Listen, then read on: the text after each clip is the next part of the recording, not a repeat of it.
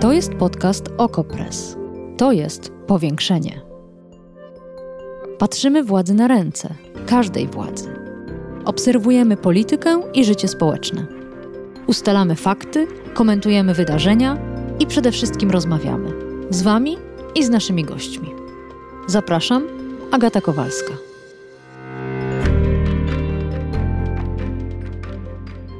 A gościem dzisiejszego powiększenia jest Jan Olbrycht, europoseł z ramienia Platformy Obywatelskiej. Dzień dobry, panie pośle. Dzień dobry. Polexit to poważna sprawa, powiedział pan, kiedy prosiłam o wywiad. Ale co to znaczy polexit w tym momencie, pod koniec września 2021 roku? Odpowiadając na Pani pytanie, oczywiście trzeba się odwołać do doświadczeń ostatnich lat, ponieważ samo sformułowanie łączenia nazwy jakiegoś państwa z, z wyjściem, czyli exitem, tak naprawdę pojawiło się przy Brexicie.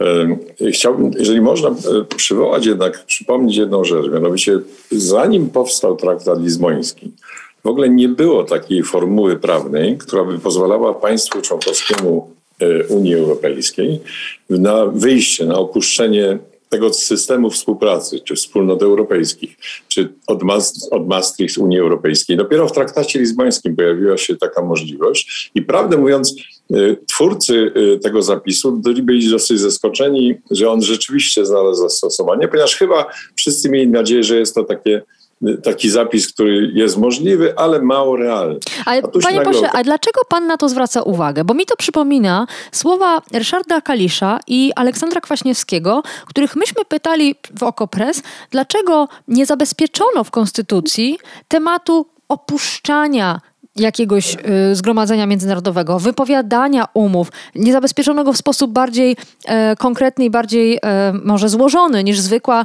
większość w Sejmie. A pan zwraca na, te, na to uwagę, ale z punktu widzenia przepisów Unii Europejskiej. Dlaczego? To y, wygląda na to, tak gdyby to określić bardziej tak dyplomatycznie, to można powiedzieć, że zabrakło wyobraźni. E, znaczy nikt sobie nie wyobrażał, że taka sytuacja może mieć miejsce. W związku z czym artykuł 50 w traktacie uważany był za dosyć teoretyczny, taki, który zapewne nigdy nie będzie miał zastosowania, a tu się okazało nagle, że w wyniku wewnętrznej walki w Zjednoczonym Królestwie ten artykuł zostaje wykorzystany i Wielka Brytania opuszcza Unię Europejską i pod hasłem Brexitu. E, za Brexitem poszły różne sformułowania typu brexitowcy, pro, pro-brexitowcy i tak dalej. I w związku z czym y, y, po jakimś czasie, czy może już nawet w trakcie tej kampanii, zaczęły się pojawiać takie modyfikacje tego terminu i przeciwnicy Unii Europejskiej, czy też zwolennicy wychodzenia z Unii Europejskiej zaczęli używać tego właśnie sformułowania exit. I to pojawiało się we Francji, y, takie sformułowanie Frankzit, czy pojawiało się w innych państwach i również pojawiło się w Polsce jako pewien skrót myślowy, pokazujący, że, że mamy do czynienia z tendencją, czy z pewnym nastawieniem, który, które ma czy może doprowadzić do wyjścia z Unii Europejskiej. W związku z czym sformułowanie polexit nie jest nazwą o charakterze jakimś e, osadzonym w prawie, to jest e, opis pewnego zjawiska, Ale które czy... się mhm. rozpoczyna. No właśnie, właśnie, właśnie. Cieszę się, że pan na to zwrócił uwagę. Czy to nie jest tak, że polexit, brexit, Grexit to jest pewien proces. To jest proces polityczny, proces też świadomościowy. To nie jest jedno hasło określające wyłącznie pewien konkretny moment wyjścia z Unii Europejskiej. Jeśli by zgodził się Pan z tym, że to jest proces, to w którym punkcie tego procesu jesteśmy? Pierwsze, zgadzam się, że to jest proces i proces, y, nie, nie tylko proces polityczny, ale w dużym stopniu właśnie wpływanie na na mentalność, na sposób patrzenia na rzeczywistość, patrzenia na, mhm. na tę organizację międzynarodową. Ten proces może być długotrwały, może trwać kilka lat, może trwać kilkanaście lat, to, to specjalnie nie ma znaczenia. Natomiast ważne jest, jak, jaki jest cel, znaczy w jakim kierunku y, y, ci, którzy to y, propagują, zmierzają. W przypadku Polski ewidentnie tego typu tendencje się pojawiały. One się pojawiały y, jeszcze zanim weszliśmy do Unii, przecież przeciwników wejścia do Unii trochę było. Oni na, szczęście przegrali. Natomiast y, takie głosy krytyczne y, pojawiały się w różnych momentach. Ja przypominam sobie chyba w poprzedniej kadencji w Parlamencie Europejskim, że politycy związani z Januszem Korwin-Mikke, kiedy oni mówili o, bardzo negatywnie o Unii Europejskiej, i przyrównując ją do, do Związku Radzieckiego czy, czy innego typu konstrukcji. Pan poseł Korwin-Mikke zawsze w parlamencie kończy swoje wystąpienie Y, sformułowaniem Unię Europejską należy zniszczyć. Y, to wszyscy o tym wiedzieli. To, to zawsze, kiedy on mówił na dowolny temat, w szczególności na temat kobiet czy, czy praw człowieka, zawsze kończył Unię Europejską trzeba zniszczyć. Czyli tego typu pomysły czy negatywne nastawienie do Unii Europejskiej nie są czymś nowym. No, oczywiście, to nazywaliśmy kiedyś eurosceptycyzmem, y, bardziej lub mniej radykalnym, również taką konstruktywną krytykę potrafiono tak nazywać. Ale coś się zmieniło i właśnie wróćmy do tego, gdzie jesteśmy tak, teraz? Jeżeli pani pozwoli, mm -hmm. to ja bym tak jednak roz, rozróżnijmy, mianowicie y, y, kwestia konstruktywnej krytyki to, są, to jest nastawienie ludzi, którzy uważają, że bycie w Unii Europejskiej jest korzystne, natomiast mają swoje uwagi. Tak. Eurosceptycy idą krok dalej, jakby podważają pewne założenia w ogóle Unii Europejskiej. No mamy do czynienia ze środowiskami antyeuropejskimi. I to o tych mówimy, kiedy mówimy o polexicie. Y, I gdzie jesteśmy? Moim zdaniem ten proces został uruchomiony. Nie, y, został uruchomiony nie dzisiaj, tylko y, rozpoczął się mniej więcej od przejęcia władzy przez Prawo i Sprawiedliwość, ponieważ w tym środowisku, które jest zapewne bardzo zróżnicowane, mamy do czynienia zarówno z ludźmi, którzy są eurosceptyczni, czy mają swoje wątpliwości co do Unii Europejskiej, ale mamy do czynienia również z ludźmi ewidentnie y, nastawionymi antyeuropejsko, a na dzisiaj Zjednoczonej Prawicy na pewno tego typu postawę mm, prezentuje y, środowisko Zbigniewa Ziobry. Więc rozpoczęcie tego procesu to nie jest dzisiaj czy wczoraj, to jest jakby od, od momentu przejęcia władzy, a dzisiaj jesteśmy świadkami jakby kolejnego etapu, gdzie nie tylko ktoś o tym cicho mówi i tego się obawia, tylko że część tego środowiska po prostu o tym zupełnie otwarcie mhm. Y, mówi. To jest następny etap, który y, ma doprowadzić przede wszystkim do y, zasiania w społeczeństwie wątpliwości. Ponieważ nawet jeżeli w Polsce taka decyzja mogłaby zapaść zwykłą większością głosów w Sejmie, to jednak ważna jest opinia publiczna. Więc teraz chodzi o to, żeby opinię publiczną powolutku, powolutku urabiać i tutaj świetnym przykładem jest jednak to, co robił Farage Wielkiej Brytanii, tak. kłamiąc zresztą i do czego się przyznawał. Jeden cytat z Oko Press. Tomasz Bielecki, wieloletni korespondent w stolicy Belgii, pisał tak. Polexitowe debaty i po stronie PiS i w ramach już kilkuletniego bicia na alarm przez opozycję, przynajmniej na razie nie robią wielkiego wrażenia w Brukseli. Pisał tak 10 września, to było tuż po antyunijnych wypowiedziach Terleckiego, Suskiego, Kowalskiego. Czy właściwie Bielecki określa nastroje w Brukseli? E, e, pan redaktor Bielecki, którego ja bardzo szanuję i rzeczywiście świetnie zna e, te relacje brukselskie, patrzy w ogóle na, na, na całe środowisko takie związane z instytucjami europejskimi. Ja mogę mówić o Parlamencie Europejskim. Mm -hmm. W Parlamencie Europejskim nikt nie jest specjalnie zaskoczony tonem wypowiedzi, ale ale jednak pojawiają się w stosunku do nas pytania, y, w jakim kierunku to zmierza, to znaczy o co tu naprawdę chodzi. Czy Polska ma, ma zamiar y, docelowo brać pod uwagę ewentualne wyjście z Unii Europejskiej? Natomiast my, y, my odpowiadamy wtedy, przynajmniej w Parlamencie Europejskim, że jedno jest pewne, że to środowisko, które dzisiaj rządzi w Polsce, w takiej Unii nie chce być takiej Unii nie chce być. W związku z czym na dzisiaj używa tego typu sformułowania. Taka Unia nam nie odpowiada. Unia, która nie jest prostym y, y, y, systemem współpracy gospodarczej, ale taki, taka Unia, która jest polityczna, która ma swoje wartości, która się wtrąca, która próbuje ingerować, to w takiej Unii nie chcemy być. W związku z czym najchętniej chcielibyśmy ją zmienić od środka przebudować e, od środka. I to też można by nazywać e, polexitem. E, natomiast obawy co do miejsca Polski w Unii pojawiają się ewidentnie w Parlamencie Europejskim. Mhm. A jest pan pytany o to, czy realny jest scenariusz kompletnego opuszczenia wspólnoty przez Polskę? Tak, oczywiście. I co oczywiście pan odpowiada? Ja odpowiadam, że na razie, na razie nie, ponieważ większość naszych rodaków jest jednak zwolennikami bycia w Unii Europejskiej, ale jako socjolog staram się przyglądać różnym sondażom. I wtedy, kiedy pytamy, czy chce, żeby Polska była w Unii, pytamy w sensie środowisko socjologiczne, pyta, to odpowiedź jest tak. Ale kiedy ktoś zaczyna robić badania bardziej takie dogłębne, kiedy zaczyna inaczej formułować pytania, a już nie daj Boże jest ze środowiska takiego antyeuropejskiego i zadaje pytania w taki sposób, które mogą wywołać refleksję, to już zaczyna pytać, czy na przykład jesteś za tym, żeby Unia się nam wtrącała, czy chce, żeby, żeby Unia nam regulowała pewne rzeczy. I wtedy już się okazuje, że y, y, Polacy niekoniecznie się dzielą. Już nie mówiąc o tym, że są zdezorientowani, bo nie mają pełnych informacji. Y, y, w związku z czym i to jest moim zdaniem y, rzecz, która, która jest bardzo niepokojąca i tutaj już nastąpiło drgnięcie w opiniach publicznych. Mhm.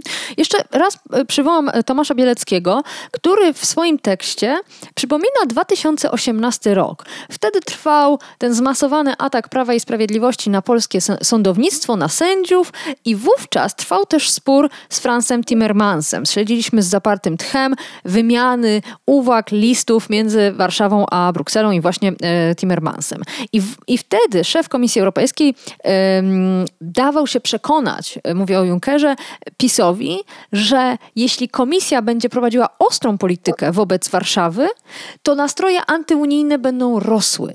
I Timmermans, przypomina Bielecki, wskazywał właśnie na te sondaże, o których teraz pan poseł mówił. I, w, i wówczas, e, pisze Bielecki, przeważyła linia, że straszenie Brukseli polexitem to tylko mało wyszukane oszukana pisowska manipulacja.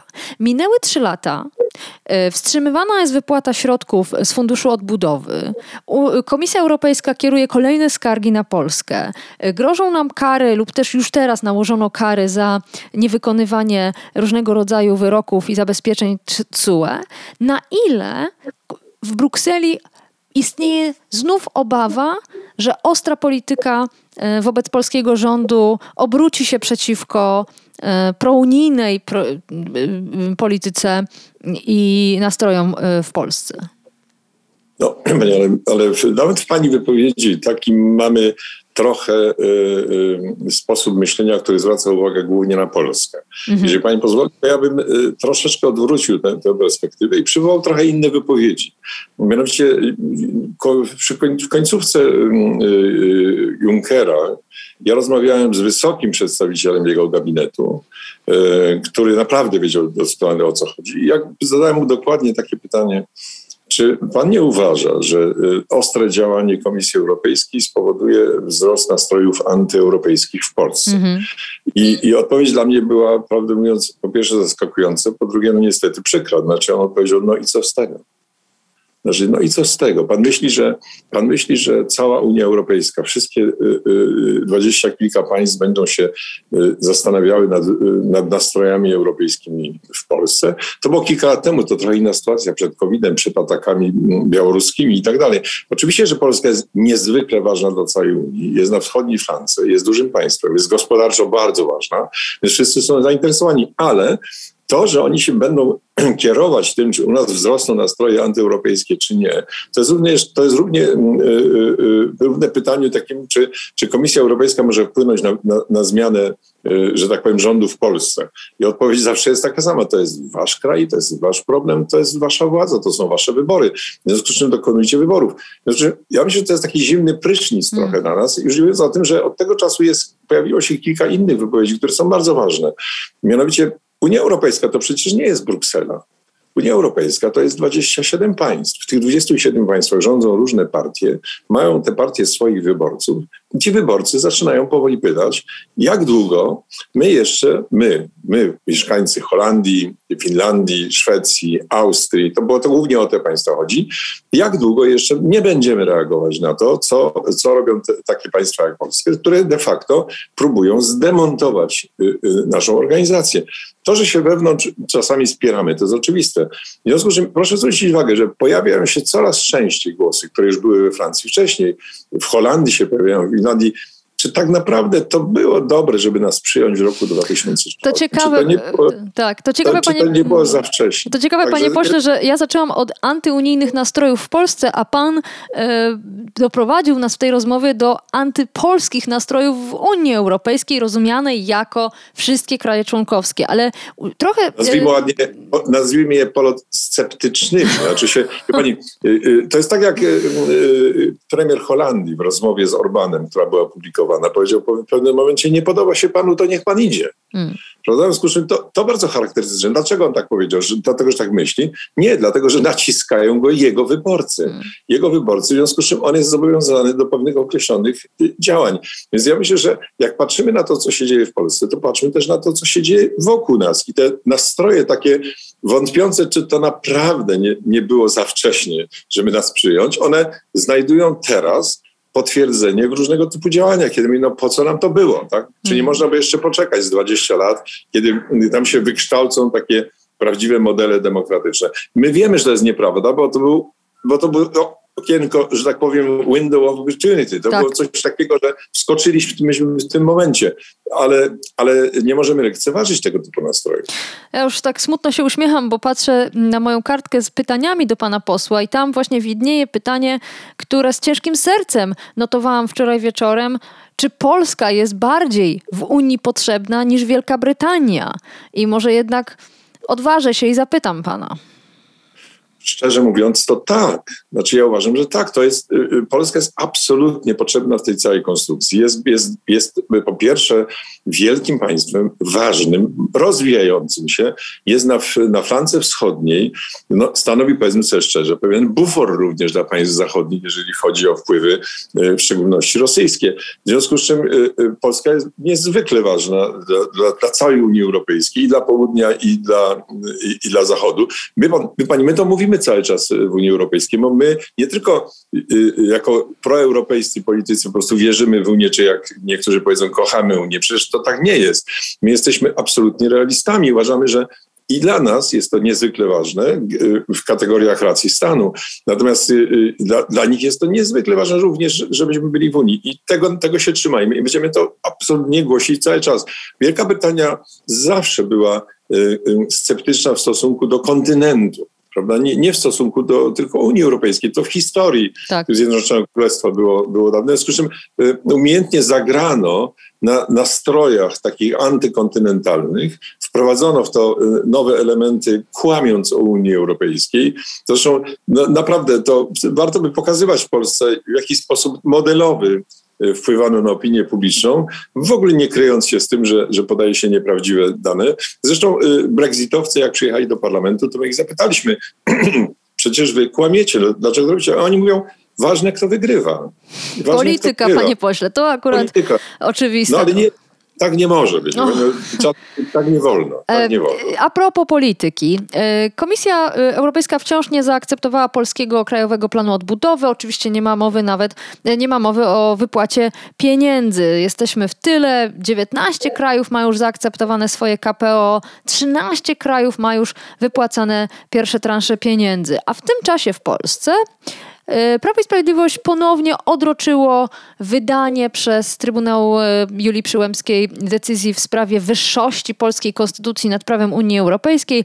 To, jak konstruuje to zdanie, nie jest przypadkiem. Chyba już nikt nie uważa, że ten Trybunał e, jest samodzielny. To, ten manewr odraczania, przeciągania znamy od dawna. Jak, pan, jak to jest rozumiane w Brukseli? Jak to pan by tłumaczył i czym to się skończy? No to y, my wiemy doskonale, że ten manewr to jest y, wynik y, wewnętrznych relacji Zjednoczonej Prawicy. Po odejściu premiera Gowina ogromne wpływy ma w tej chwili środowisko ministra Ziobry, czyli takie nastawienie bardzo antyeuropejskie. I tam widać z tego, że jest takie wewnętrzne, bardzo, bardzo duże napięcie. Komisja Europejska po pierwsze dostała polski plan bardzo późno. Po drugie, pamiętajmy o tym, że to nie Komisja Europejska zatwierdza plany, tylko zatwierdzają ministrowie w głosowaniu kwalifikowaną większością, co z punktu widzenia informacji sprzed kilku dni jest bardzo ważne. Komisja Europejska ma dwa miesiące nie na wydanie opinii, co, o co się w Polsce mówi. Komisja Europejska musi wydać pozytywną opinię. Znaczy, y, jeżeli nie wyda pozytywnej opinii, to po prostu nie przesyła tego dalej do, do Rady. W tej chwili komisja nie wydała jeszcze pozytywnej opinii polskim y, Krajowym Planie Odbudowy, ponieważ stwierdziła, że jeden z elementów, który jest w wymaganiach, dotyczący wskazówek tak zwanego semestru europejskiego, czyli wskazówek dla, dla państwa członkowskiego. Jako ciekawostkę dodam, te wskazówki nie są konstruowane przez Komisję Europejską tylko, ale również zatwierdzane przez ministrów, w tym ministra polskiego. W związku z czym i w tych wskazówkach jest napisane, że trzeba poprawić klimat inwestycyjny, w tym niezależność sądów. I Komisja Europejska pyta, no dobrze, no i co? No i co w tym zakresie? Jakiego typu reformy chcecie podjąć, żeby poprawić yy, klimat inwestycyjny i niezależność sądów? A w tym czasie, tak jak pani powiedziała, rząd prowadzi działania dotyczące Izby Dyscyplinarnej, yy, tłumaczy komisji w taki sposób, że komisja po otrzymaniu listu wyjaśniającego natychmiast występuje o kary. Możemy sobie wyobrazić, co w tym liście musiało być, że komisja natychmiast występuje o kary. W tym czasie premier zapytuje, czy jest wyższość, pierwszeństwo prawa europejskiego nad prawem polskim, kiedy doskonale wie, y, na, na, czym to polega, co w ogóle podważa wtedy podstawę prawną Krajowego Planu Odbudowy. W związku z czym naprawdę sytuacja jest bardzo skomplikowana i komisja na dzisiaj twierdzi, że dopóki nie będzie miała wyjaśnienia od rządu polskiego, nie wyda pozytywnej opinii. A na dodatek nawiązując do tego, co powiedziałem wcześniej, odzywają się ministrowie, którzy mają głosować Krajowy Plan Odbudowy Polski. I tak jak bez problemu, proszę wybaczyć kolokwializm, klepnęli te, te, te kilkanaście planów, czyli zatwierdzili, bo to ministrowie przegłosowali, tak w przypadku polskiego planu Kilku ministrów już zapowiedziało, że się wyjątkowo dokładnie przyjrzą temu, w jaki sposób Komisja Europejska potraktuje polski krajowy plan odbudowy, zanim będą głosować. I, muszę i tego, i to jest bardzo ważny element w tej, w tej całej grze, bo to oznacza, że w sprawie polskiego krajowego planu odbudowy, bo to nie tylko komisja ma wątpliwości, ale, ale te wątpliwości również podziela kilka rządów, które za chwilę ma to głosować. W związku z czym warto na to zwracać uwagę. Hmm. Jeszcze na koniec chciałam zapytać pana o wczorajsze spotkanie. Uczestniczył pan e, w Rzymie w takim, mm, w takim zorganizowanym przez e, Europejską Partię Ludową e, spotkaniu. Politycy i kardynałowie rozmawiali o przyszłości Europy i o chrześcijańskich wartościach. Zastanawiam tak. się, na ile tematem rozmowy, czy to w tej oficjalnej części, czy w kuluarach, było kryzys migracyjny i to, w jaki sposób chrześcijanie z różnych różnych państw europejskich powinni traktować uchodźców, którzy szukają w Europie schronienia? Tak, to, to spotkanie było bardzo ważne, ponieważ to było spotkanie biura. To jest takie ciało statutowe biura grupy politycznej EPL. Przez pierwszy dzień to były spotkania czysto polityczne, dotyczące polityki włoskiej, ale również polityki europejskiej. Y, y, pierwszy i drugi dzień. W trzecim dniu mieliśmy y, spotkanie z wysokimi przedstawicielami państwa watykańskiego, z, z kardynałem Parolinem, czyli jakby numerem dwa w, w państwie watykańskim i z arcybiskupem Gallagherem, który jest de facto ministrem spraw zagranicznych. Rozmowa była niezwykle ciekawa i konkretna i która, która pokazywała bardzo wyraźnie, że, że w sprawach takich jak, jak prawa człowieka, jak kwestie właśnie dotyczące E, e, opieki chociażby nad imigrantami i tutaj stanowisko Kościoła e, jest jednoznaczne. Znaczy, jak to określał właśnie minister czy arcybiskup Gallagher, który mówił o tym, o tym że, że musi obowiązywać zasada przyjmowania, zaopiekowania się pomocy. Mhm. To jest jakby podstawowa i kluczowa sprawa i co do tego nie ma najmniejszych wątpliwości. Natomiast bardzo ciekawe było też to, jeżeli można, kiedy kardynał Paroli mówił o tym, żebyśmy, i zresztą mówił o tym również kardynał Tucson, no taka legendarna postać mm, w ogóle w życiu Afryki, mm, i który mówił o tym, że trzeba pamiętać o tym, że, że Kościół nigdy nie tworzy prawa w żadnym państwie członkowskim, tylko określa zasady. To bardzo Natomiast... ładne. Szkoda, że nieprawdziwe, ale... ale, ale... Nie, proszę, to, nie to, proszę wybaczyć, ale to jest prawdziwe. Hmm. Tylko, że to... Formalnie ja rozumiem, nie tworzy jest, prawa. Formalnie jest... rzeczywiście nie, natomiast ma ogromny wpływ na to, co się w danym kraju dzieje. No to inaczej zapytam. W jaki sposób... to, nie powinno. Nie powinno, to, znaczy według zdania sama nie powinno tak być, żeby, żeby Kościół tworzył. Bo Kościół ma tworzyć zasady i ma się ich ich trzymać. Więc to jest dla mnie ważne, a to, że to nie ma odbicia w rzeczywistości, to to jest trochę inna kwestia. Tak, no dobrze, no to przejdźmy jeszcze do tych e, chrześcijan, w tak. tym tych, którzy mieszkają w Polsce, y, tworzą rząd albo e, funkcjonują w opozycji. W jaki sposób e, prawidłowo powinien zachować się rząd polski i polskie społeczeństwo wobec kryzysu na polsko-białoruskiej granicy? Jeżeli mówimy, bo ja jestem z przekonania chrześcijańskim demokratą, mimo tego, że takiej partii, która ma tego to w nazwie Polsce nie ma, tylko Platforma i PSL jest w międzynarodówce tej chrześcijańsko-demokratycznej. Tak, to, to nie chodzi o to, żeby tak, to nie chodzi o to, żeby powtarzać, że, się jest chrześcijaninem, tylko uprawiać politykę w sposób chrześcijański. To znaczy No właśnie, to skierować znaczy? się określonymi zasadami.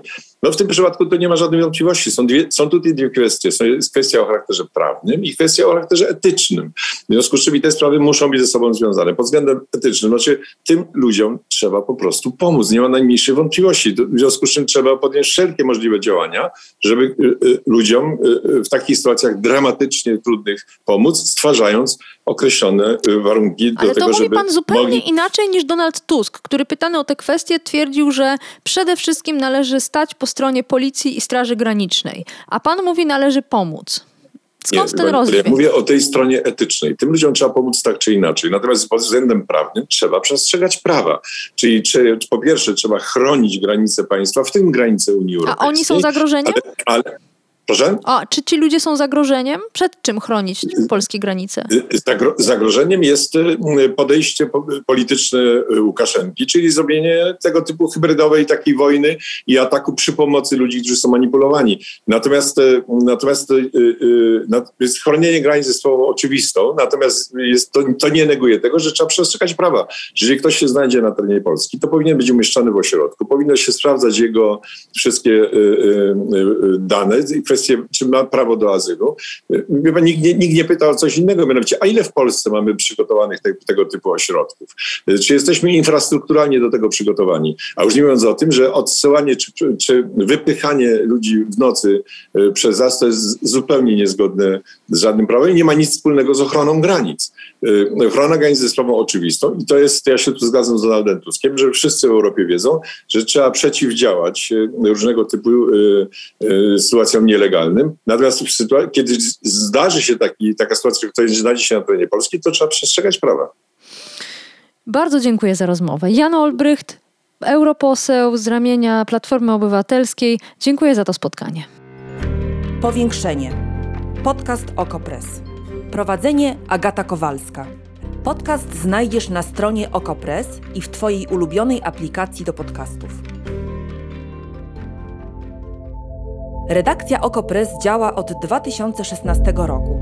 Jesteśmy obywatelskim narzędziem kontroli władzy, obecnej i każdej następnej. Okopres utrzymuje się z Waszych darowizn. Wesprzyj nas, byśmy mogli działać dalej.